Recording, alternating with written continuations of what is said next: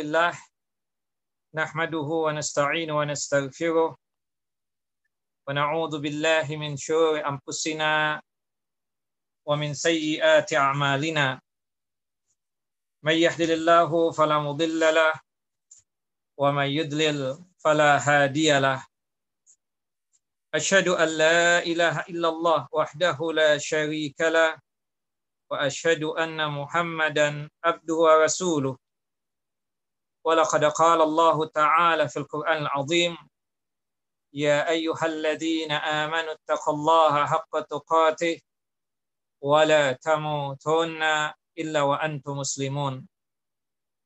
وبعد وبسخ لي صدري ويسر لي أمري واحلل عقدة من لساني يفقه قولي. اللهم انفعنا بما علمتنا وعلمنا ما ينفعنا وزدنا علما. اللهم إنا نعوذ بك من جهد البلاء ودرك الشقاء وسوء القضاء وشماتة الأعداء. اللهم إنا نعوذ بك من البرص والجنون والجزام وسيء الأسقام. اللهم إنا نعوذ بك من زوال نعمتك وفجأة نقمتك وتحول عافيتك وجميع سخطك. إخواني وأخواتي في الدين a'azani wa Bapak dan Ibu kajian tabina yang selalu dimuliakan oleh Allahu Jalla Alhamdulillah pada kesempatan kali ini kita kembali dan berjumpa di setiap Kamis pekan pertama untuk ta'amuk dan tafakkur fiddin, untuk memperdalam din Allah dan agama Allahu Jalla Jalaluh kitab yang menjadi pembahasan kita adalah kitab Al-Kabair, kumpulan dosa-dosa besar yang disusun oleh Al-Imam Al-Hafidh Al-Zahabi rahimahullah rahmatan wasi'ah. Yang di mana insya Allah pada kesempatan kali ini kita masuk pada dosa besar yang keempat yaitu meninggalkan salat fardu atau salat wajib. Al-kabiratu ar-rabi'atu fit salah Nah, berkaitan tentang ibadah salat, sebagaimana yang kita ketahui, Allahu Jalla wa Ala mewajibkan atas kita untuk melaksanakan salat fardu, salat yang lima waktu. Ya, salat subuh, zuhur, asar, maghrib, dan isya. Sebagaimana yang disebutkan di dalam hadis yang sahih, Rasulullah sallallahu alaihi wasallam bersabda. Hadis dari Ubadah bin Samit radhiyallahu an. Khamsu salawatin katabahunna Allahu 'alal ibad. Ada lima salat yang telah Allahu Jalla wa ala wajibkan bagi hamba-hambanya. Wa man atabihinna wa lam yudayyi' minhunna syai'an istighfafan bihaqqihinna kana lillahi ahdun ayyudkhilahul jannah barang siapa yang sanggup untuk melaksanakan salat yang lima waktu tersebut, salat subuh, zuhur, asar, maghrib, dan isya, dan dia tersebut tidak pernah melalaikan dan juga tidak pernah menyia-nyiakan salat fardu tersebut sebagai wujud untuk menjalankan hak dari salat yang lima waktu tersebut, maka Allahu Jalla wa'ala berjanji kepadanya untuk memasukkan dia ke dalam jannah dan surganya Allah Subhanahu wa taala. Bahkan disebutkan di dalam hadis yang sahih juga, hadis yang disahihkan oleh Syekh Nasiruddin Albani rahimahullah rahmatan wasi'ah ketika Nabi sallallahu alaihi wasallam menerangkan tentang keutamaan dan keistimewaan dari salat fardu atau salat yang lima waktu ini. Qala Rasulullah sallallahu alaihi wasallam Rasulullah sallallahu alaihi wasallam bersabda, "Abshiru, abshiru." Good news. Kabar gembira. Kabar gembira. Buat siapa? Innahu man shalla salawatil khamsa wajtanaba al-kaba'ira. Kabar gembira buat mereka yang melaksanakan salat fardu, salat yang lima waktu, kemudian sanggup untuk menjauhkan dirinya meninggalkan dosa-dosa besar, maka jaminannya apa? Dakhala min ayyi abwabil jannah sya'a. Dia kelak akan masuk ke dalam jannah dan surga lewat pintu-pintu surga sesuai dengan yang dia inginkan. Pintu surga berjumlah delapan, salah satunya pintu untuk orang yang suka melaksanakan ibadah salat. Tapi bagi mereka yang sanggup melaksanakan salat fardu dan sanggup untuk meninggalkan dan menjauhkan dirinya dari dosa-dosa besar, maka masuknya dia ke dalam surga dipersilahkan oleh Allah Jalla wa'ala lewat delapan pintu surga tersebut. Dan ini satu keistimewaan dan kemuliaan yang sangat luar biasa bagi mereka yang selalu istiqamah dalam menjalankan dan melaksanakan salat fardu atau salat yang lima waktu. Bahkan Allah Jalla Jalaluh di dalam hadis kutsinya mengatakan, Inna li abdi alayya ahdan. Sesungguhnya ya untuk hambaku ya aku ya sesungguhnya bagi hambaku ada janjiku sesungguhnya bagi hambaku ada janjiku. Ini Allah yang menyatakan. Apa janjinya? Allah Jalla wa'ala untuk hambanya tersebut. In aqamas salali waktiha alla u'adzibahu wa an udkhilahul jannah bighairi hisab. Subhanallah janjinya Allah bagi mereka atau bagi dia yang suka dan melaksanakan dan mendirikan salat fardu atau salat yang lima waktu sesuai dengan waktunya maka Allah Jalla wa ala tidak bakalan menyiksa dan mengadabnya dan dipastikan dia tersebut oleh Allah Jalla wa ala masuk ke dalam surga tanpa ada hisab. Subhanallah. Ini adalah satu kenikmatan yang sangat luar biasa bagi mereka yang suka melaksanakan salat fardu atau salat yang lima waktu. Bahkan salat yang lima waktu ini termasuk bagian daripada arkanul Islam.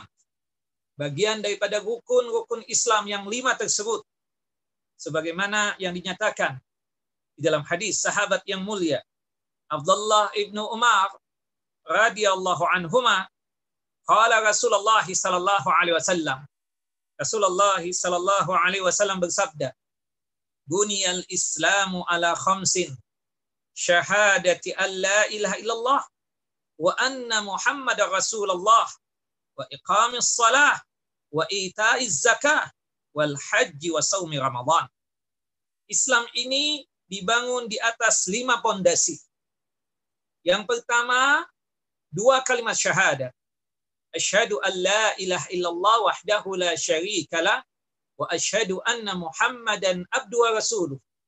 Aku bersaksi tidak ada Tuhan yang pantas untuk disembah kecuali Allah semata dan aku bersaksi bahwasanya Muhammad bin Abdullah hamba Allah dan utusan Allah. Kemudian yang kedua atau pondasi yang kedua dari Islam ini adalah melaksanakan salat yang lima waktu wa iqamis salah.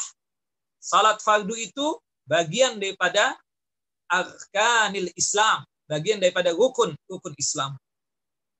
Yang ketiga, wa itaiz zakah, menunaikan zakat. Kemudian yang keempatnya tersebut melaksanakan puasa Ramadan, kemudian yang terakhir melaksanakan ibadah haji. Bahkan Nabi kita Muhammad sallallahu alaihi wasallam menyatakan di dalam satu hadis yang derajatnya hasan. Qala Rasulullah sallallahu alaihi wasallam. Rasulullah sallallahu alaihi wasallam bersabda, "Ra'sul amri al-Islam." Pokok urusan agama ini adalah Islam. Wa umuduhu as-salah. Tiangnya, pondasinya adalah ibadah salat wa dhirwatu sanamihi al jihad dan puncak ketinggian daripada Islam ini adalah berjihad. Subhanallah kita lihat fondasi daripada Islam ini apa? Ibadah salat. Bahkan disebutkan di dalam hadis yang sahih ya yang di mana Rasulullah Sallallahu Alaihi Wasallam menyatakan ya tentang ibadah salat tersebut fondasi daripada Islam ini as-salatu imaduddin Ibadah salat itu adalah tiangnya agama, pondasinya agama. Wa man aqamaha faqad aqamad din. Ya, orang yang sanggup mendirikan ibadah salat berarti dia sama saja membangun Islam ini, membangun agama ini. Waman hadamaha faqad hadamad din. Tapi yang meninggalkan ibadah salat berarti sama saja dia tersebut menghancurkan ini agama. Bahkan dikatakan oleh Allah Jalla Jalaluh dalam surah Al-Baqarah surah yang kedua ayat 238 Allah menyatakan tentang kewajiban salat yang lima waktu. Hafizu ala salawati wa salatil wusta wa qumu lillahi qanitin. Peliharalah dan jagalah oleh kalian salat yang lima waktu termasuk salatul wusta yaitu salatul asar. Kita tahu salatul asar termasuk bagian daripada salat yang lima waktu. Wa qumu lillahi qanitin dan berdirilah untuk Allah ketika melaksanakan ibadah salat tersebut dalam kondisi yang khusyuk. Dari sini kita katakan menjadi hujjah dan dalil asal mula hukum melaksanakan ibadah salat bagi kita yang mampu adalah al-qiyam, berdiri. Dan itu bagian daripada arkanus salah, bagian daripada rukun ibadah salat. Bahkan disebutkan di dalam hadis yang sahih, hadis yang dikeluarkan oleh Imam Muslim dalam kitab sahih beliau pada nomor hadis 82 dari hadis Jabir bin Abdullah radhiyallahu anhuma berkaitan tentang ibadah salat ini merupakan pembatas antara iman dengan kekafiran. Subhanallah. Pembatas antara keimanan dengan kekafiran. Kata Rasulullah SAW, Inna baina rajuli wa baina syirki wal kufri tarka as-salati. Sesungguhnya batas antara seseorang dengan kesyirikan atau batas antara seseorang dengan kekafiran adalah meninggalkan salat. Subhanallah, orang yang melaksanakan ibadah salat berarti dia tersebut telah melaksanakan ciri khas dari seorang muslim. Tetapi orang yang meninggalkan ibadah salat fardu berarti dia belum menjalankan ciri khasnya seorang muslim. Kata Nabi kita Muhammad sallallahu alaihi wasallam, "Al-ahdu alladhi bainana wa bainahum as-salah. Faman tarakaha faqad kafar." Perjanjian yang ada antara kami dengan mereka adalah ibadah salat. Maka barang siapa yang meninggalkan ibadah salat, dia telah melakukan kekufuran. Kekufuran ini menjadi khilaf di kalangan para ulama. Nanti kita akan bahas apa hukum orang yang sengaja meninggalkan ibadah salat. Para ulama sepakat berkaitan tentang orang yang meninggalkan ibadah salat, dia itu adalah pelaku dosa besar. Ya, dia tersebut murtakibul kabirah. Sepakat para ulama. Tapi mereka berbeda pendapat berkaitan dengan orang yang masih mengakui kewajiban tentang ibadah salat, yaitu salat fardu, salat yang lima waktu, tapi tidak mau salat apakah hukumnya tersebut keluar daripada Islam, artinya dia telah melakukan kekufuran, ataukah sebatas fasik? Fasik itu dia masih muslim, tapi berhubung dia meninggalkan ibadah sholat, dia tersebut telah ya melakukan perbuatan kefasikan atau perbuatan kemaksiatan atau perbuatan dosa besar. Masih muslim dia, tapi dihukumi fasik dikarenakan dia melakukan perbuatan dosa besar yaitu meninggalkan ibadah salat fardu. Yang rajih wallahu alam bisawab ya bahwasannya orang yang meninggalkan ibadah salat secara sengaja masih ada keyakinan dalam kolbu dan hatinya bahwasannya ibadah salat tersebut hukumnya wajib tapi dikenakan malasnya dia dan lalainya dia dia meninggalkan ibadah salat hukumnya fasik berdasarkan hadis dari sahabat yang mulia Ubadah bin Samit radhiyallahu an Semoga Allah Jalla wa ala meridai beliau ketika Rasulullah menerangkan tentang kewajiban salat yang lima waktu. Kata Nabi SAW, Khamsus salawatin katabahunna Allah ala al-ibad. ومن أتى بهن ولم يضيء منهن شيئا استخفافا بحقهن كان لله أحد أن يدخله الجنة ya. ومن لم يأتي بهن falaisa lillahi ahdun ayyudkhilahu al-jannah insya'a adzabahu wa insya'a ghafaralah. Naam. Subhanallah, kewajiban salat yang lima waktu. Allahu Jalla wa ala wajibkan bagi hamba-hambanya. Barang siapa yang sanggup untuk mengerjakan salat fardu atau salat yang lima waktu. Dia tersebut tidak pernah menyia-nyiakan dan melalaikan salat fardu atau salat yang lima waktu tersebut. Kapan orang itu dianggap melalaikan ibadah salat? Kata para ulama, di antaranya Al-Imam Ibnu Qayyim, Ibnu Qayyim dan juga Al-Imam Ibnu Katsir rahimahumallah, semoga Allah Jalla wa ala memberikan rahmat kepada kedua imam tersebut. Ya, itu ada tiga kondisi manusia dianggap melalaikan dan menyia-nyiakan salat fardu. Yang pertama, dia meninggalkan secara total salat fardu tersebut. Tidak mau salat. Ya, meskipun ada keyakinan salat yang lima waktu tersebut wajib. Yang kedua, seseorang itu dianggap melalaikan dan menyia-nyiakan salat yang lima waktu, on and off, kadang salat, kadang tidak salat. Itu pun juga termasuk orang yang melalaikan salat yang lima waktu dan menyia-nyiakannya. Kemudian yang ketiga, dia salat tapi waktunya sudah habis. Ya, salat asar dikerjakan di waktu maghrib, salat maghrib dikerjakan di waktu isya. Ini orang yang melalaikan ya ibadah salat. Nah, ketika seseorang sanggup melaksanakan salat fardu, salat yang lima waktu, dan dia tidak pernah melalaikan dan menyia-nyiakan salat yang lima waktu tersebut, ya sebagai wujud untuk menjalankan hak dari salat yang lima waktu, maka Allah Jalla wa ala berjanji kepadanya untuk memasukkan dia ke dalam jannah dan masukkan dia ke dalam surga.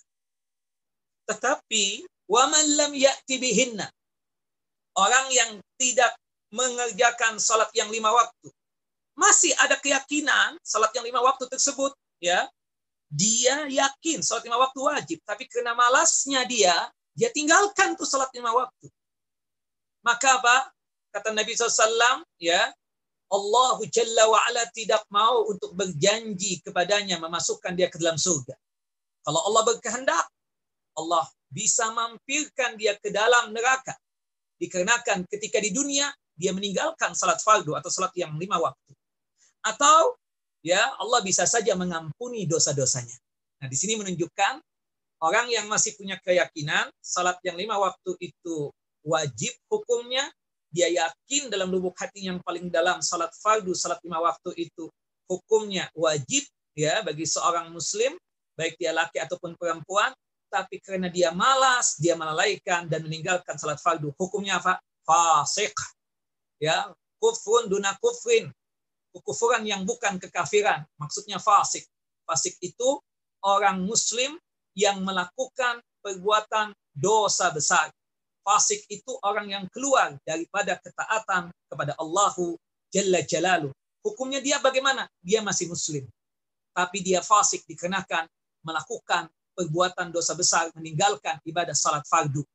Ya, tidak mengeluarkan dia dari Islam. Dia masih muslim. Nah, Nanti ada beberapa kasus berkaitan tentang meninggalkan ibadah salat ya. Kalau kita melihat kasus-kasus yang ada berkaitan dengan orang yang meninggalkan salat ya. Yang pertama ya, yang pertama berkaitan dengan kasus orang yang meninggalkan ibadah salat disebutkan oleh para ulama berkaitan tentang beberapa hadis yang tadi sudah kita bacakan bagaimana hukum tentang ibadah salat. Bahwasannya ibadah salat itu adalah ya pembatas antara seorang muslim dengan kesyirikan. Pembatas antara seorang muslim dengan kekafiran yaitu apa? Meninggalkan salat kemudian di dalam hadis Sauban radhiyallahu an disebutkan ya pemisah atau pembeda ya antara seorang hamba dengan kekufuran ya dan keimanan adalah ibadah salat. Nah, di situ disebutkan yang meninggalkannya maka dia tersebut telah melakukan kesyirikan atau kekufuran. Sebagaimana yang saya jelaskan tadi, pendapat yang rajih, selama dia tersebut masih meyakini dalam kalbunya, dalam hatinya kita katakan ya kewajiban salat yang lima waktu tersebut hukumnya wajib, meskipun dia meninggalkan ibadah salat maka hukumnya apa? fasik, hukumnya fasik. Ya, meskipun saya tahu ini ada dua pendapat tentang masalah ini. yang sepakat para ulama tentang kekufuran seseorang ketika dia tersebut mengingkari tentang kewajiban salat fardu. Dia ngomong, dia bicara, salat lima waktu tidak wajib, salat fardu tidak wajib, salat subuh tidak wajib, salat zuhur tidak wajib, salat asar tidak wajib, salat maghrib tidak wajib, salat isya tidak wajib. Maka kufur ini orang. Keluar daripada Islam. Ya. Tapi beda dengan kasus orang punya keyakinan Salat yang lima waktu tersebut hukumnya wajib, tapi kena malasnya dia, dia melalaikan salat fardu dan meninggalkan salat fardu. Ya, subhanallah. Nah, kalau kita melihat tentang keadaan ini, kita katakan kasus yang pertama. Bagi orang yang meninggalkan ibadah salat. Kasus pertama inilah kasus ya dia meninggalkan salat dengan mengingkari kewajiban sholat fardu tersebut. Ya, sebagaimana yang kita sebutkan tadi, ya, berkaitan dengan keyakinan dia. Sholat fardu ini gak wajib. Kata dia kalau ingin sholat, sholat deh. Kalau nggak sholat, nggak apa-apa. Subhanallah. Kita katakan. Ini orang yang mengingkari kewajiban sholat fardu. Para ulama tanpa ada perselisihan, hukum orang tersebut kafir. Kenapa kafirnya? karena dia mengingkari kewajiban salat fardu. Karena dia apa? Mengingkari salat yang lima waktu. Mengingkari kewajiban salat subuh, salat zuhur, salat asar, salat maghrib, dan salat isya. Ini kasus yang pertama. Atau permasalahan yang pertama berkaitan dengan orang yang meninggalkan ibadah salat. Permasalahan yang kedua, dia meninggalkan salat dengan menganggap gampang dan tidak pernah mau melaksanakannya. Bahkan ketika diajak untuk melaksanakannya, melaksanakan ibadah salat, yuk salat, dia enggan, gak mau salat. Maka orang semacam ini, ya kalau kita melihat, ya mayoritas ulama atau inilah yang menjadi perdebatan di kalangan para ulama. Ada yang menghukumi dia kafir, ada yang menghukumi dia sebatas fasik. Tapi kalau kita tanya, dia masih punya keyakinan nggak salat fardu itu wajib? Iya, salat lima waktu wajib. Ayo dong sholat. Gak ada malas. Nah, bahasa dia yang keluar dari malas tadi itu, ya dia tidak mengingkari tentang kewajiban sholat yang lima waktu. Tapi dia melalaikan sholat lima waktu. Dia meninggalkan sholat yang lima waktu. Hukumnya apa? Pendapat yang rajih di antara dua pendapat ulama yang berbeda, hukumnya fasik. Dia masih muslim. Kasus yang ketiga sering dilakukan oleh kaum muslimin, yaitu tidak rutin dalam melaksanakan sholat ya on and off. Kadang sholat kadang tidak sholat subhanallah. Ini orang yang seperti ini hukumnya apa? Fasik. Hukumnya apa? Fasik. Hukumnya fasik. Sedangkan kasus yang keempat atau permasalahan keempat adalah bagi orang yang meninggalkan sholat dan tidak mengetahui bahwa meninggalkan sholat adalah perbuatan ya satu perbuatan kefasikan atau perbuatan ya yang sifatnya meninggalkan ciri khasnya seorang muslim, maka hukumnya bagi orang yang seperti ini ya tidak mengerti jahil ya, maka hukumnya sebatas fasik saja. Nah, sebatas fasik. Taib. Kemudian ada kasus yang kelima ya. Adalah orang yang mengerjakan sholat hingga keluar waktunya. Yang sebagaimana yang saya sebutkan tadi, dianggap melalaikan ibadah sholat. Wailul lil musallin. Ya celakalah. Ya. Orang-orang yang salat le kok bisa celaka orang yang melaksanakan ibadah salat padahal ibadah salat ibadah yang sangat luar biasa agungnya dan mulianya. Subhanallah. Ya maksudnya di sini celaka bagi mereka yang meninggalkan dan melalaikan ibadah salat Allah yang menyatakan pada ayat yang selanjutnya pada ayat yang kelima dari surah al-maun alladzina hum an salatihim sahun mereka tersebut suka melalaikan ibadah salat. Ya, bisa jadi dia meninggalkan ibadah salat. Bisa jadi on and off, kadang salat, kadang nggak salat. Atau bisa jadi dia salat, tapi waktunya sudah habis. Ya, salat subuh seenaknya, bangun jam berapa saja, salat salat subuh. Tapi waktu subuh sudah habis.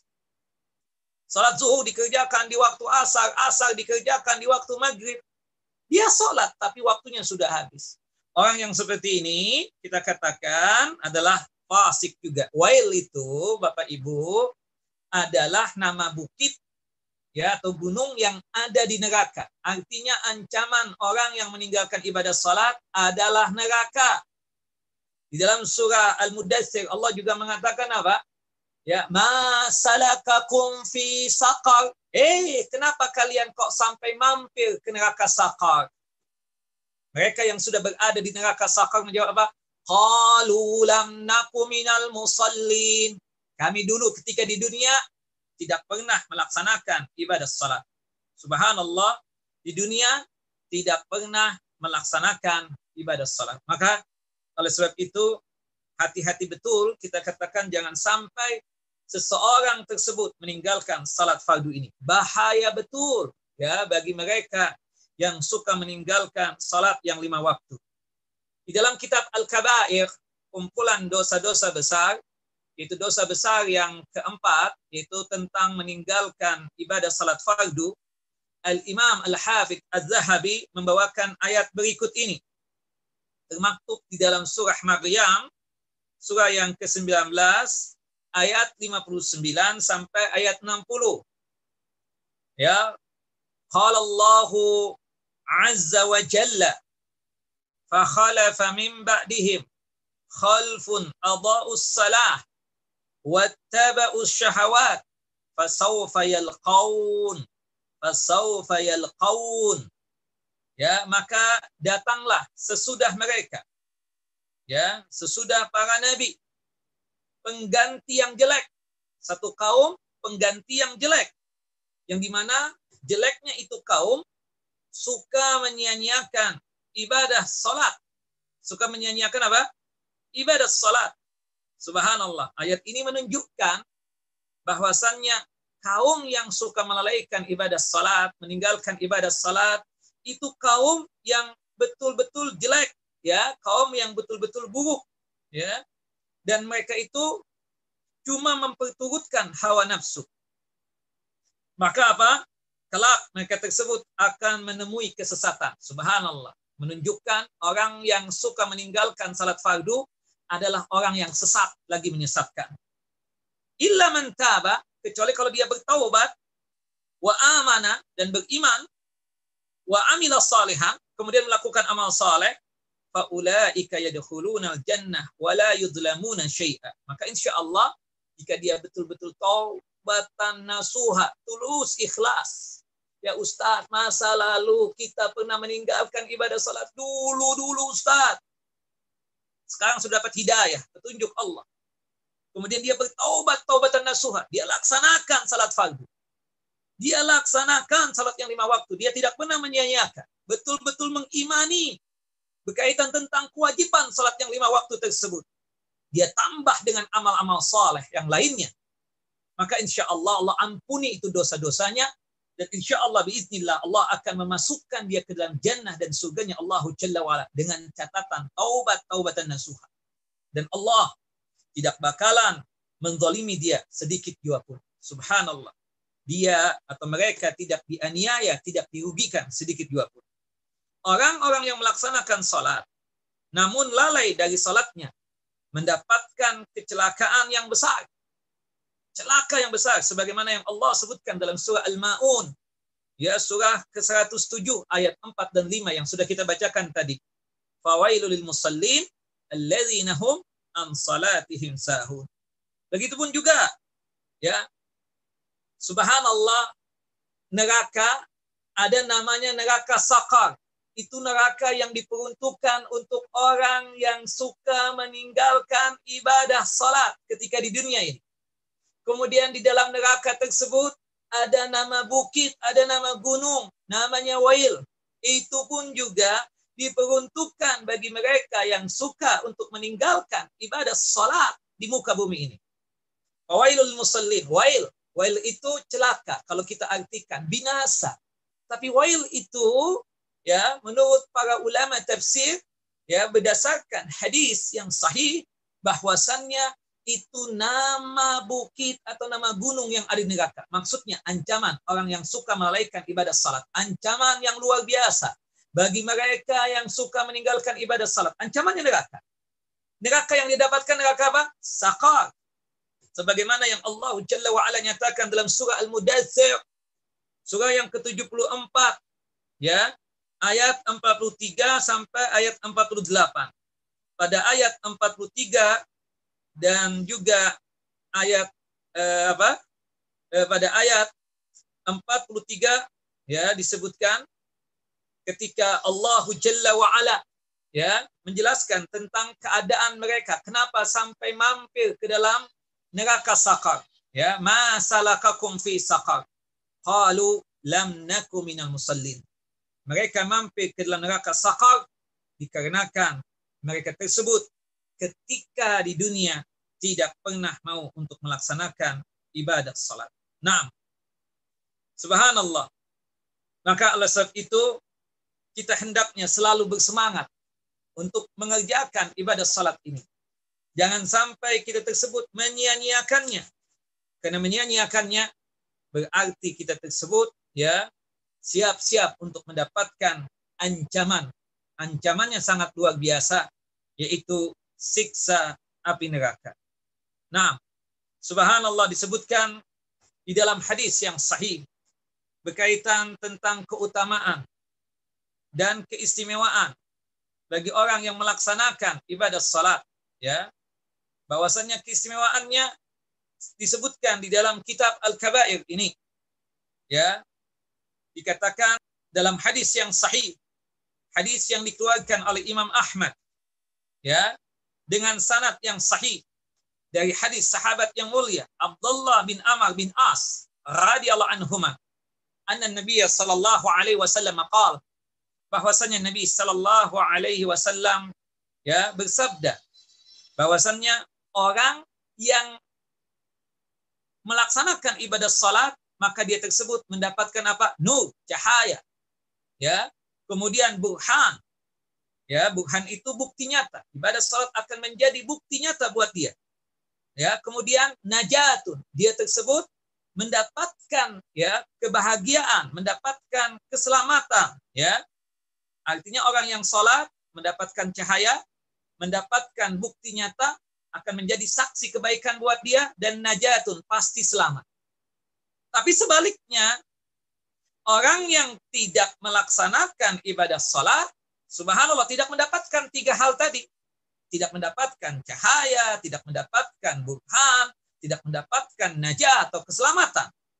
Subhanallah dikatakan oleh Nabi SAW, man lam yuhafid ala salah lam yakun lahu nur wala burhan wala najah ya barang siapa yang tidak menjaga salat yang lima waktu dia meninggalkan salat lima waktu dia sia-siakan salat lima waktu maka dia tersebut tidaklah mendapatkan cahaya bukti nyata dan juga tidak mendapatkan keselamatan wa kana yaumal qiyamati ma'a Qarun wa Fir'aun wa Hamman wa Ubay bin Khalaf.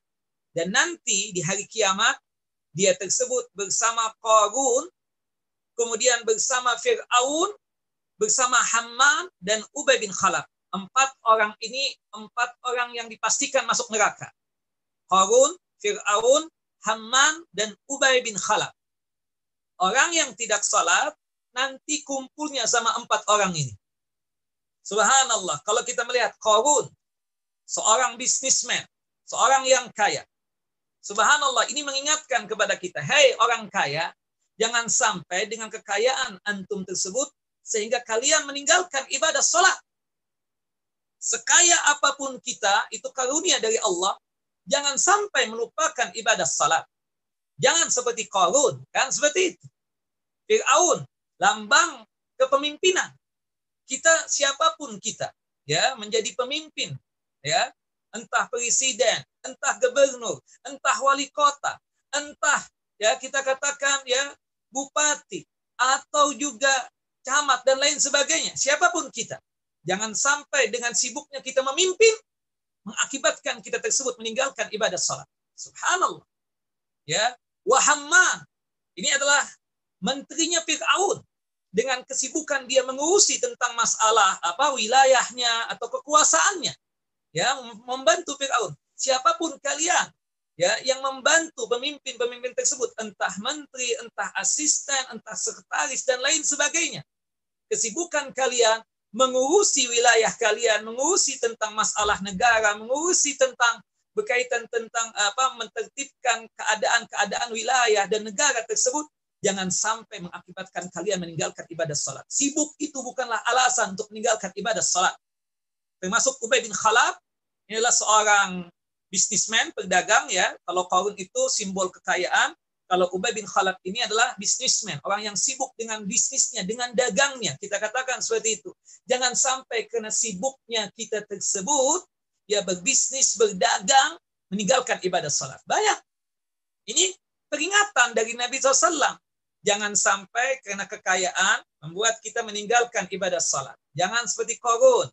Jangan sampai kita tersebut berhubung sibuk dengan kepemimpinan sehingga kita tersebut meninggalkan ibadah salat. Begitupun juga jangan sampai kita tersebut meninggalkan salat dikarenakan sibuknya kita mengurusi tentang urusan ya berkaitan dengan wilayah, kekuasaan dan lain sebagainya, ya kan? Seperti itu. Tetap laksanakan ibadah salat. Sesibuk apa pun kita berbisnis, berdiaga, berdagang, jangan sampai meninggalkan ibadah salat. Banyak di antara kita tersebut dunia lebih ditonjolkan. Entah berkaitan tentang bisnisnya, kekayaannya, kekuasaannya, kepemimpinannya, dan urusan-urusan dunia yang lainnya. Sehingga dia tersebut ya meninggalkan ibadah salat. Jangan sesibuk apa pun kita ini jangan sampai meninggalkan ibadah salat. Allahu akbar. Ya. Yang tidak menjaga salat yang lima waktu.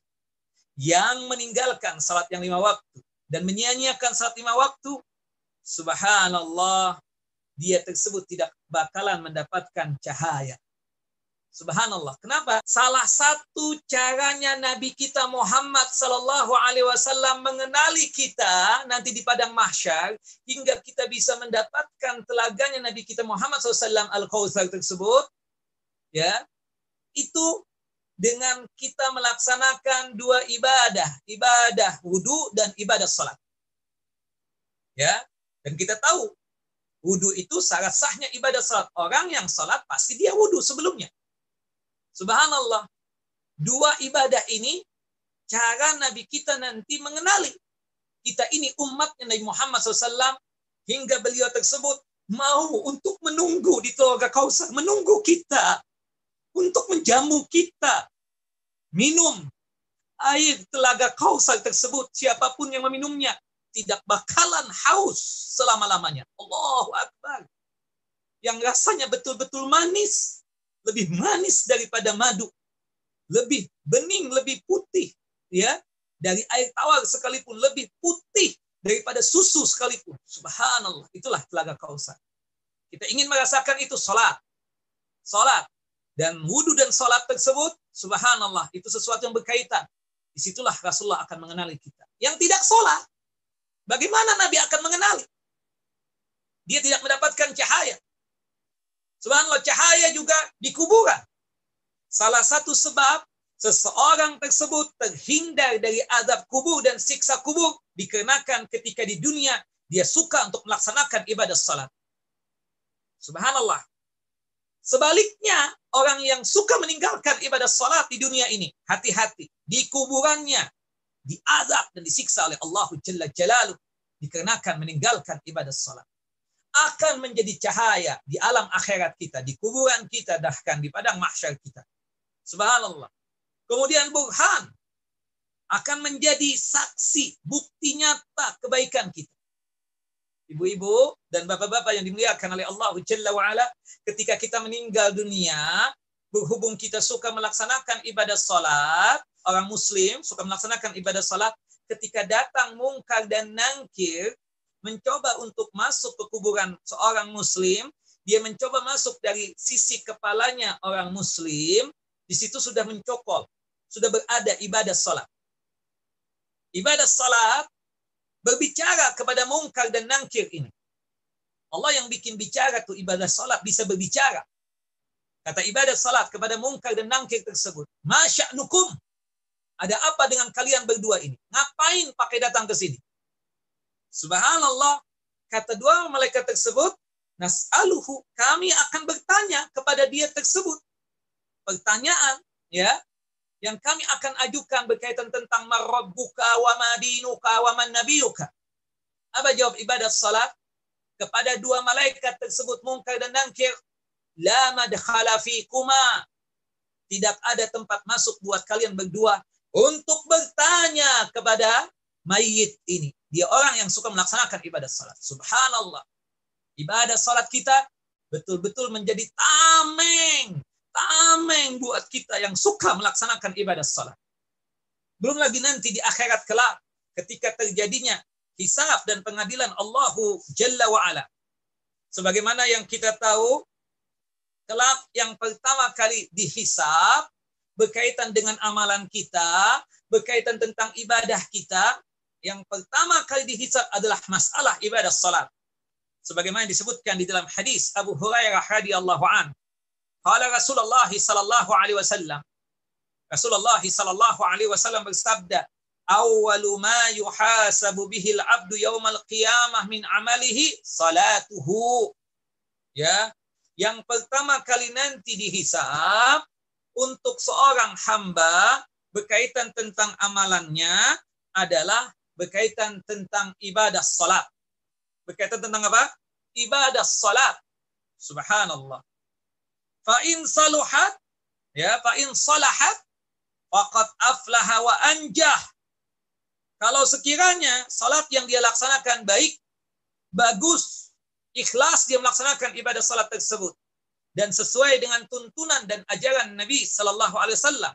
Kapan ibadah salat kita tersebut dinilai baik, dinilai bagus ketika kita melaksanakan ibadah salat tulus ikhlas karena Allah Jalla wa ala dan ibadah salat yang kita laksanakan sesuai dengan apa yang dituntunkan dan diajarkan oleh Nabi kita Muhammad SAW maka ibadah salat kita sukses, dianggap baik. Maka kalau salat dia tersebut baik dan bagus, maka fakat aflaha, dia berarti jaya, sukses, wa anjaha. Betul-betul ya najah atau mendapatkan kemenangan atau mendapatkan kesuksesan, keberuntungan. Nah, fakat aflaha wa anjaha. Kalau salatnya baik, bagus, maka dia telah beruntung dan juga telah selamat, dipastikan selamat. Nah, dalam riwayat yang lain disebutkan ya fa in saluhat ya saluha sairu amali. Kalau ibadah salatnya sukses, bagus, ya, maka ibadah-ibadah yang lainnya pun juga ikut bagus. Tapi sebaliknya, wa in fasadat jika ibadah salatnya rusak, bisa jadi karena dia meninggalkan ibadah salat ketika di dunia ini atau on, on and off tadi itu atau melalaikan ibadah salat tersebut maka membuat salatnya tersebut rusak maka faqat khaba wa khasira maka dia tersebut dalam kondisi yang gagal atau dalam kondisi yang sifatnya tersebut malapetaka atau ya betul-betul mendapatkan kemalangan dan kerugian. Subhanallah. Hati-hati. Bahkan dalam riwayat yang lain disebutkan wa in fasadat fasada sa'iru amali. Jika salatnya rusak, maka seluruh ya eh, seluruh daripada amalannya tersebut juga ikut rusak. Seperti itu yang dikatakan oleh Nabi kita Muhammad sallallahu alaihi wasallam. Maka oleh sebab itu ikhwan wa akhawati fid din a'azani wa azakumullah jangan sampai disia-siakan tentang ibadah salat ini sesibuk apa pun kita, siapa pun kita, entah kita pemimpin, entah kita ini pengu, apa, penguasa, entah kita ini bisnismen, entah kita ini orang kaya, entah kita ini orang yang memegang jabatan apa pun, apa pun kesibukannya, tolong, kalau waktunya sholat fardu telah tiba, laksanakanlah sholat fardu tersebut.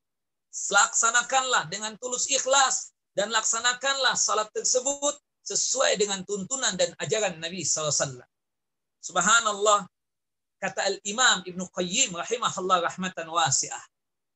Di antara cara Allah Jalla Jalaluh untuk memberikan kecintaannya kepada seseorang hamba hingga dia mendapatkan kemudahan di dalam masalah rizki dan nikmat adalah dengan cara dia tersebut melaksanakan ibadah sholat. Dan itu bersesuaian dengan hadis sahabat yang mulia. Abdullah ibnu Mas'udin radhiyallahu an ketika datang kepada Nabi kita Muhammad sallallahu alaihi wasallam dan bertanya, "Ya Rasulullah, ya Nabi Allah, ayul a'mali ahabbu ilallah?" Wahai Rasulullah, amalan apa yang paling disuka dan paling dicinta oleh Allah Jalla Jalaluh? Faqala Rasulullah sallallahu alaihi wasallam Rasulullah sallallahu alaihi wasallam menjawab as-salatu ala waktiha. Salat di awal waktu. Subhanallah. Dengan kita salat di awal waktu itu yang mengakibatkan ya subhanallah Allahu jalla wa ala mencintai kita. Allahu jalla jalalu mencintai kita. Maka oleh sebab itu sangat mudah untuk menggapai cintanya Allahu jalla wa ala salah satunya adalah dengan melaksanakan sholat yang lima waktu tersebut. Bahkan jaminannya tadi apa? Jannah, surganya Allah subhanahu wa ta'ala. Maka oleh sebab itu, jangan sampai kita menyia-nyiakan sholat yang lima waktu tersebut. Ya, Jauhkan diri kita dari suka meninggalkan ibadah sholat yang lima waktu. Sholatnya on time. Dan kalau kita yang laki-laki ini, ya, kalau sekiranya di tempat kita sudah zona hijau ya karena sekarang ini zaman pandemi kita katakan karena kalau kondisi aman kita yang laki-laki ini wajib melaksanakan salat fardu berjamaah di masjid. Ya bukan begitu? Ya. Kalau sudah e, dikatakan daerah kita sudah zona hijau usahakan salat lima waktu kita pak di masjid seperti itu. Nah nah beda dengan perempuan. Kalau perempuan itu memang untuk salat wajibnya untuk sholat sunnahnya itu lebih utama di mana? Di rumah mereka sendiri. Seperti itu. Allah alam. Ini kira yang berkaitan tentang masalah sholat yang lima waktu. Jangan sampai kita tersebut menyia-nyiakan sholat yang lima waktu. Bahkan disebutkan di dalam satu hadis yang sahih juga. Hadis dari sahabat yang mulia. Ya Muad bin Jabal radhiyallahu an. Nabi SAW ya mengatakan Qala Rasulullah sallallahu alaihi wasallam, "Ma min 'abdin yashhadu an la ilaha illallah wa anna Muhammadan abdu wa rasuluh." Nah, uh, dan tidaklah seorang hamba bersaksi bahwa tidak ada Tuhan yang pantas untuk disembah kecuali Allah dan bahwasanya Nabi Muhammad sallallahu alaihi wasallam adalah hamba Allah dan dan utusan Allah Jalla wa ala illa haramallahu alaihi nar melainkan Allah jalla wa ala mengharamkan untuknya ya masuk ke dalam siksa api neraka. Nah, disebutkan dalam kelanjutan dan keterangan dari hadis Muad bin Jabal, orang-orang yang suka menunda ibadah salat hingga habis waktunya adalah orang-orang yang suka menanggung dosa besar. Ya, dan orang yang meninggalkan apa orang-orang yang suka ya Eh, melalaikan ibadah salat berarti dia tersebut dianggap murtakibu al-kabirah. Dia tersebut telah melakukan satu perbuatan dosa besar. Disebutkan dari hadis Abu Sa'id Al-Khudri radhiyallahu an. Semoga Allah Jalla wa ala meridai beliau. Anna rajulan qala, ada seorang sahabat laki-laki datang kepada Nabi dan bertanya kepada Rasul ya bahwasannya ada seseorang yang datang kepada Rasulullah ya yaitu seorang khawarid di sini yaitu seorang apa khawarid tahu ya khawarid itu seseorang yang eh, apa mudah sekali mengkafirkan seseorang. Mudah sekali dia tersebut menumpahkan darah seseorang muslim menghalalkan darah seorang muslim. Itu khawarid ketika terjadi uh, pembagian harta ghanaim ya ada mengatakan uh, zakat ada mengatakan harta ghanaim. Harta ghanaim itu adalah pembagian harta rampasan perang pada waktu itu juga dia mengatakan bahwasanya pembagian zakat ini orang khawarij ya datang kepada Rasulullah SAW kemudian mengatakan perkataan yang sungguh ya sangatlah menghinakan Nabi SAW. Dia mengatakan seperti ini. Ya Muhammad ittaqillah. Wahai Muhammad ittaqillah. Wahai Muhammad bertakwalah engkau kepada Allah Jalla wa ala. Subhanallah. Rasulullah kemudian mengatakan, Wailat, celaka engkau. Awalastu ahaqqa ahlil ardi ayyattaqiyallah. Ya, celaka engkau. Bukankah aku adalah penduduk bumi yang paling berhak untuk takut kepada Allah? Dalam riwayat yang lain disebutkan, ya orang Khawarij ini menyuruh Rasulullah dengan sebutan ungkapan seperti ini, "I'dil ya Muhammad." Bersikap adillah engkau wahai Muhammad. Kata Muhammad, "Idzalam a'dil wa man ya'dil?" Jika aku tidak bersikap adil, siapa di muka bumi ini yang akan bersikap adil? Ini Khawarij. Orang Khawarij itu ya, subhanallah terlalu mensucikan diri dia tersebut seakan-akan dia itu lebih hebat dalam masalah apa pun termasuk masalah ibadah. Subhanallah akhirnya apa? Guru tertipu dengan perbuatan dia sendiri. Rasulullah ya diomongkan seperti itu. Nauzubillah min zalik. Ucapan orang khawarij tersebut. Sampai-sampai Khalid bin Walid mengatakan kepada Nabi SAW, Ya Rasulullah, dakni an adriba unuqahu. Ya Rasulullah, tolong perintahkan aku untuk menebas lehernya nih orang. Karena kurang ajar betul dengan antum. Khalilul adab, ya. Sangat kurang ajar sekali. Sangat tidak beretika sama sekali dengan engkau ya Rasulullah. Apa jawab Nabi SAW? La. La'allahu ayyakuna yusalli. Kata Rasulullah, jangan. Jangan. Barangkali, barangkali dia sedang, barangkali dia tersebut melaksanakan ibadah sholat. Subhanallah. Artinya apa? Orang yang melaksanakan ibadah sholat itu darahnya betul-betul dijaga. Darahnya betul-betul dijaga. Subhanallah. Ini akibat apa? Melaksanakan ibadah sholat.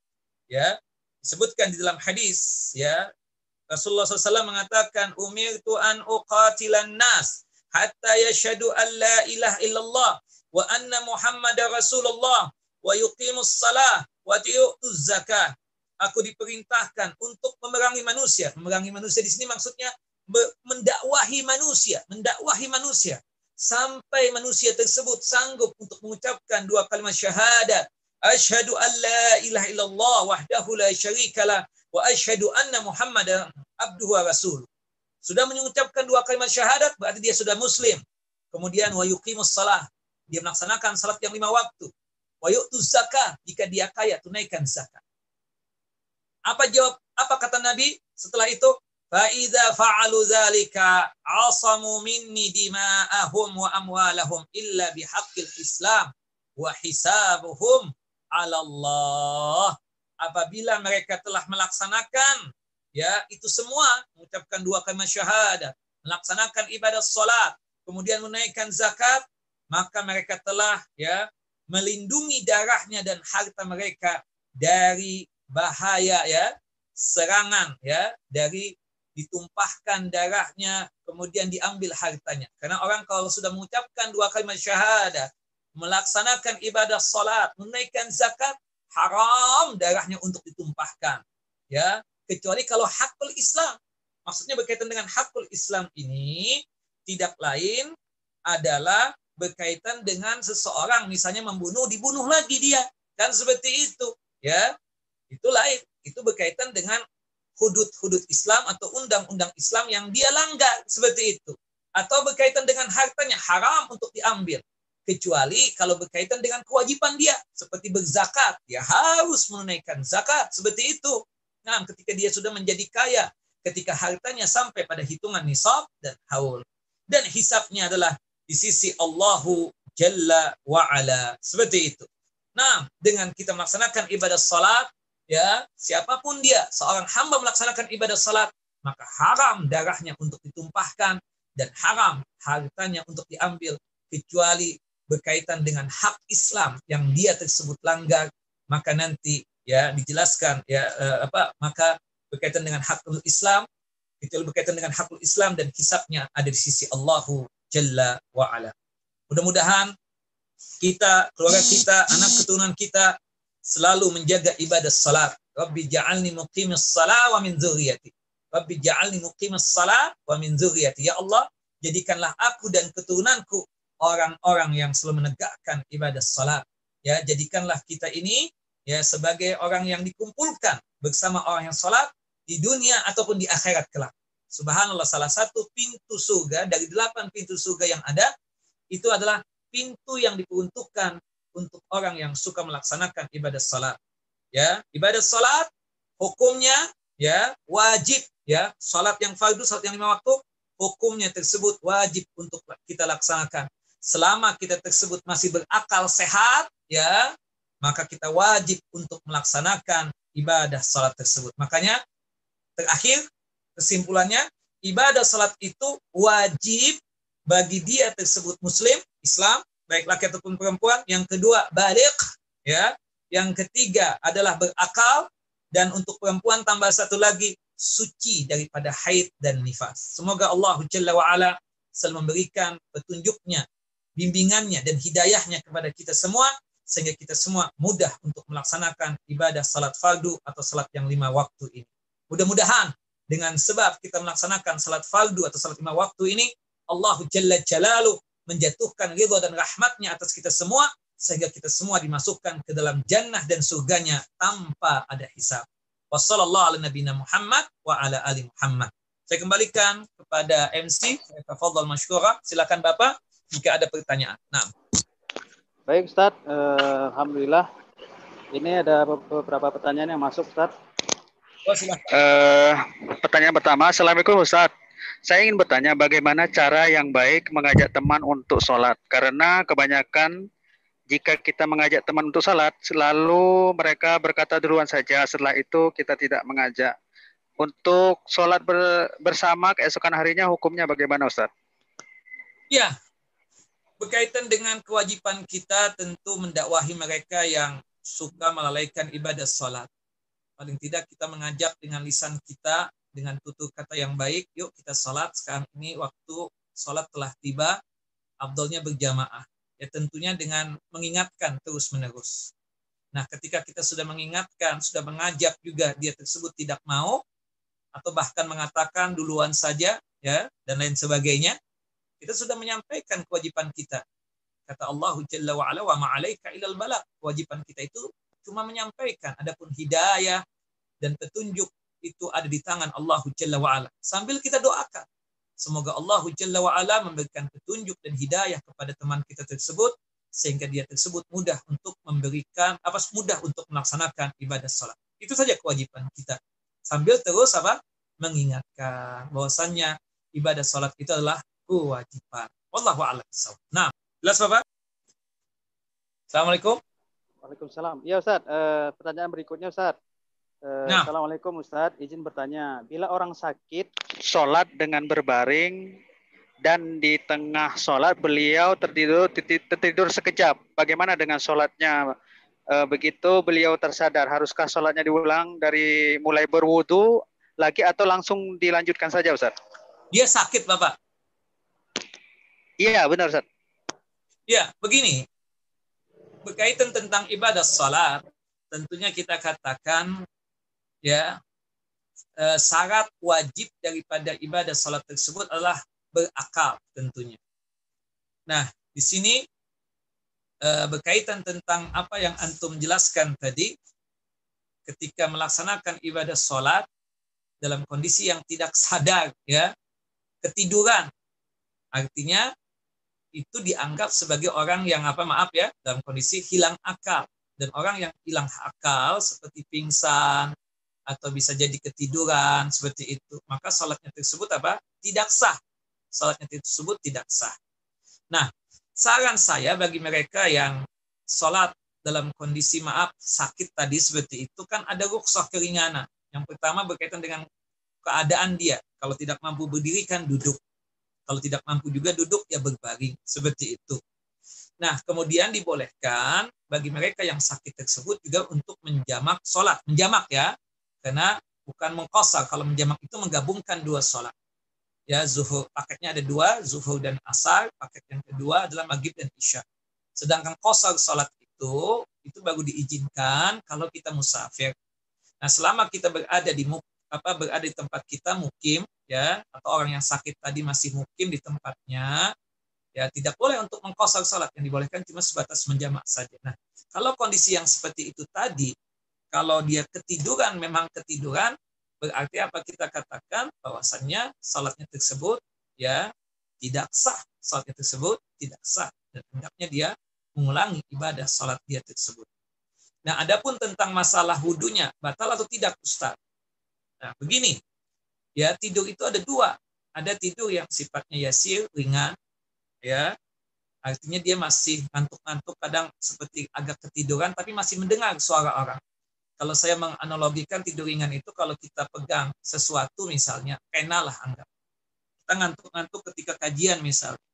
Agak sedikit ya seperti hilang ya akal kita itu. Tapi masih mendengar sayup-sayup suara orang. Ketika pena kita jatuh, kita sadar lagi. Berarti kita tidur ringan. Tapi kalau misalnya kita di kajian misalnya, ya kita pegang pena, pena jatuh, kita nggak sadar juga, masih ketiduran juga, berarti kita tidur pulas. Nah, tidur pulas itulah yang membatalkan ibadah wudhu kita. Kata Nabi dalam hadis Ali bin Abi Thalib radhiyallahu an, uh, al-ainu wa ka'asyah bahwasannya mata ini penjaga daripada lubang dubur kita. Ya, Faman nama fal. Barang siapa yang tertidur, hendaknya dia tersebut berwudu lagi. Kenapa? Karena orang kalau tertidur itu nggak sadar ada sesuatu yang keluar. Terutama dari lubang duburnya yang berwujud angin. Atau maaf ya, kentut tadi itu. Nah khawatirnya kalau dia tidur pulas tadi itu nggak sadar diri kan. Matanya tertutup, nggak bisa menjaga apa yang terjadi. Ya, jangan-jangan ada sesuatu yang keluar dari lubang dubur dia tersebut. Nah, makanya di sini wudhunya baru batal kalau dia memang tidur pula seperti itu. Kalau kulihal kondisi seperti itu ya sakit artinya kita tahu nih dia satu, satu rakaat habis satu rakaat dua rakaat kedua tidur pulas ngorok misalnya. Ya batal ibadah salatnya wallahu a'lam nah. Baik Ustaz. Uh, pertanyaan berikutnya. Uh, pernah ada kasus ketika orang sakit tersebut sedang sholat istrinya membawa pispot berisi urine dan terjatuh sehingga urin tersebut tumpah e, menyiram si sakit. Bagaimana dengan sholat si sakit Ustaz? Tidak mengapakah bila sholatnya tetap dilanjut? Si suaminya dalam kondisi sholat? Iya Ustaz. Kemudian terkena tuh air seninya itu? Iya Ustaz. Lagi sakit itu Ustaz. Mungkin lagi, lagi di rumah sakit. Lagi di rumah sakit, itu air seni dia sendiri? Uh, kurang jelas tapi mungkin seperti nah, itu kalau misalnya berkaitan dengan air seni dia sendiri itu mungkin dia pasang itu ya apa namanya keteter apa, apa namanya? Pispot ya pispot yang kalau orang lagi yang besar itu apa namanya itu pasang itu? Uh, pispot Ustaz bukan? Pispot itu kan yang agak kedian yang artinya dia ada saluran apa? Waduh ketet apa? Aduh saya lupa namanya itu. Ya itu ala kulit ada alat tuh untuk buang air kecil karena memang kondisi dia begitu nggak ketahanan beser. Nah kalau kondisi begitu makfu dimaafkan teruskan sholatnya. Tapi saya nggak nggak paham nih kok istrinya bahwa itu air seni kemudian tertumpahkan di situnya? Apakah waktu tiduran atau yang lainnya seperti itu? Walhasil kalau itu memang dari dia dalam artian memang dia dalam kondisi beser ya dia tetap sholat tapi hukumnya ma'fu yang jelas orang yang seperti itu ya itu dimaafkan dalam masalah ibadah sholatnya itu insya Allah dianggap sah. Ada sebagian ulama mengatakan seperti ini ya berkaitan dengan hadis ya Ummu Habibah ya berkaitan dengan uh, seorang perempuan yang biasa mengeluarkan darah istihadah darah penyakit. Dia bertanya tentang masalah ibadah sholatnya tersebut. Kata Nabi SAW ketika engkau mau sholat bersihkan kubulmu, kemudian pastikan setiap kali mau sholat berwudu, kemudian boleh untuk menjamak sholat dan sholat kamu sah seperti itu. Nah, nah kalau misalnya eh, dia nggak nggak nggak seperti itu ya, nggak seperti itu kita katakan eh, artinya tuh air seni bukan dari dia atau air seni siapalah misalnya kita katakan seperti itu ya anak-anaknya atau siapalah misalnya atau tumpah di pakaiannya. Itu kan najis kita katakan, itu kan najis ya. Jadi namanya najis kan sadar berarti pakaiannya itu harus dilepaskan seperti itu. Nah makanya di sini kalau misalnya kita sholat nih, ya, atau ada najis yang menempel di pakaian kita, atau kita nih lupa pakaian kita ini tadi bekas dikencingin anak bayi kita misal, seperti itu, najis dong, seperti itu. Kita ingat pas sudah di rakaat yang kedua. Kalau kita yang laki-laki, kebetulan pakai dalaman juga, kita lepas, teruskan sholatnya. Ya, tapi kalau perempuan, ya, kalau dia buka tuh pakaian kan kelihatan auratnya, maka batallah sholatnya seperti itu. Nah, nah yang jelas syarat sahnya ibadah sholat itu suci daripada najis ya berkaitan dengan tempat sholat harus suci daripada najis kemudian pakaian harus suci daripada najis dan juga berkaitan eh, tempat apa berkaitan dengan badan dia harus suci daripada najis kecuali kalau darurat tadi itu. Ya kan ada tuh saluran apa namanya ya Syekh? Antum ingat sudah? Saya masih gitu. belum ingat ini Ustaz. Uh, keteter apa keteter apa namanya itu? Ya Allah ya Astagfirullahalazim Allah khanat zakirat ya Syekh. Nah nah Allah kulihat orang sakit itu ada tuh. Kalau di rumah sakit itu pasang itu gitu yang seperti disalurkan di bagian kubulnya itu nanti karena dia besek atau apa sedang sakit nggak bisa ke kamar mandi mau nggak mau harus buang air kecil di situ. Nah itu itu dibawa tuh ke mana-mana tuh. Seperti itu. Itu orang biasa penyakit salisul baul ya kan? Yang suka besek-besek begitu ada tabungnya itu. Antum sudah ingat belum? Lupa juga. Alas. Ya Fadol, fadol ya Syekh. Nah, yang yang lain, yang lain. Uh, baik, pertanyaan uh, berikutnya Ustaz. Uh, izin bertanya, bagaimana status keimanan orang yang beragama Islam tetapi tidak mengerjakan sholat selama hidupnya, tapi tetapi tidak mengerjakan sholat selama hidupnya, tapi masih meyakini kalau sholat itu hukumnya wajib. Jazakallah. Ya, benar tadi itu yang sebelum anda jawab pertanyaan antum ini itu istilahnya kateter kateter itu merupakan sebuah alat berupa tabung kecil yang fleksibel dan biasa digunakan pasien untuk membantu mengasongkan kandung kemih. Ya, itu dipasang tuh di situ karena BSR atau kondisi. Namanya itu ya kateter itu ya. ya. Oh iya, Sat. Ya, itu kalau sakit yang tidak bisa ke kamar mandi, BSR terus menerus. Nah, itu sholat tetap sholat seperti itu. Nanti dia boleh menjamak sholat. Ya, ada perdebatan di kalangan para ulama ya, bagaimana tentang wudhunya gitu kan, seperti itu. Nah, pendapat yang paling aman kalau bisa setiap kali membersihkan itu tubuhnya dibersihkan, kemudian dia berwudhu, ya berwudhu, pasang lagi nggak ada masalah. Nanti kalau dalam perjalanan sholat keluar, teruskan, teruskan apa sholatnya tersebut dan dia boleh untuk menjamak sholat seperti itu. Wallahu a'lam Ya, namanya benar saya. Saya tadi agak agak kateter ya, kateter ya seperti itu. Nah, saya pertanyaan the next, pertanyaan selanjutnya apa? Eh, bagaimana status keimanan orang yang beragama Islam tetapi tidak mengerjakan sholat selama hidupnya, tapi masih meyakini kalau sholat itu hukumnya wajib, Ustaz? Taip, hukumnya apa tadi? Ada hilaf di kalangan ulama, ada yang mengkafirkan, dan ada yang tidak mengkafirkan. Tapi pendapat yang rajih, pendapat yang benar, bahwasanya dia tersebut masih muslim tapi dihukumi fasik atau dihukumi kufrun duna kufrin kekufuran yang bukan kekafiran artinya dia masih muslim tapi karena dia meninggalkan ibadah salat maka dia tersebut dihukumi fasik dan jelas dia itu melakukan dosa besar yang akan mendapatkan ancaman yang sangat luar biasa. Tapi kalau dia meninggal dunia misalnya, disolatkan nggak Ustadz? Berhubung dia masih muslim, tetap disolatkan tetap disolatkan karena dalam hadis Ubadah bin Samit itu disebutkan ya wa man lam ya'ti bihinna barang siapa yang punya keyakinan ibadah salat itu wajib tapi dia tidak mau melaksanakan ibadah salat karena malasnya dia atau mungkin suka malaikat falaisa lillahi ahdun ayudkhilahul jannah maka Allah tidak mau berjanji untuk memasukkan dia ke dalam surga insya'a azabahu wa insya'a ghafaralah jika Allah berkehendak bisa saja Allah mampirkan dia ke dalam neraka karena dia ketika di dunia sepanjang hidupnya meninggalkan ibadah salat. Tapi kalau sekiranya Allah berkehendak bisa saja diampuni dosa-dosanya. Termasuk hadis dalam uh, hadis Abdullah bin Amr bin As ketika menceritakan tentang hadis bitaqah itu. Ada orang yang berlumurkan dengan dosa. Subhanallah memiliki catatan dosa itu sampai 99 kitab. Subhanallah. Setiap kitabnya itu lembarannya sejauh mata memandang. Isinya dosa dan dosa, maksiat dan maksiat. Sampai Allah Jalla wa'ala bertanya tiga pertanyaan kepada dia. Atun kiruhada dari dosa yang banyak ini engkau ada yang mengingkari enggak? Kata dia lah ya Rab, aku tidak mengingkar. Kemudian Allah bertanya, ala ka'udhun dari sekian banyak dosa ini, apakah engkau melakukan dosa ini eh, ada uzur, kenapa sampai melakukan, mungkin diintimidasi, mungkin diancam, mau dibunuh dan lain sebagainya. Kata dia enggak, dari hati melakukan itu perbuatan dosa. Subhanallah. Kemudian Allah bertanya, halaka hasanah, apakah engkau punya kebaikan? sepertinya aku tidak punya kebaikan ya Rob. Kemudian disodorkan satu kitab lagi, lembaganya cuma satu, yaitu apa? Dua kalimat syahadat.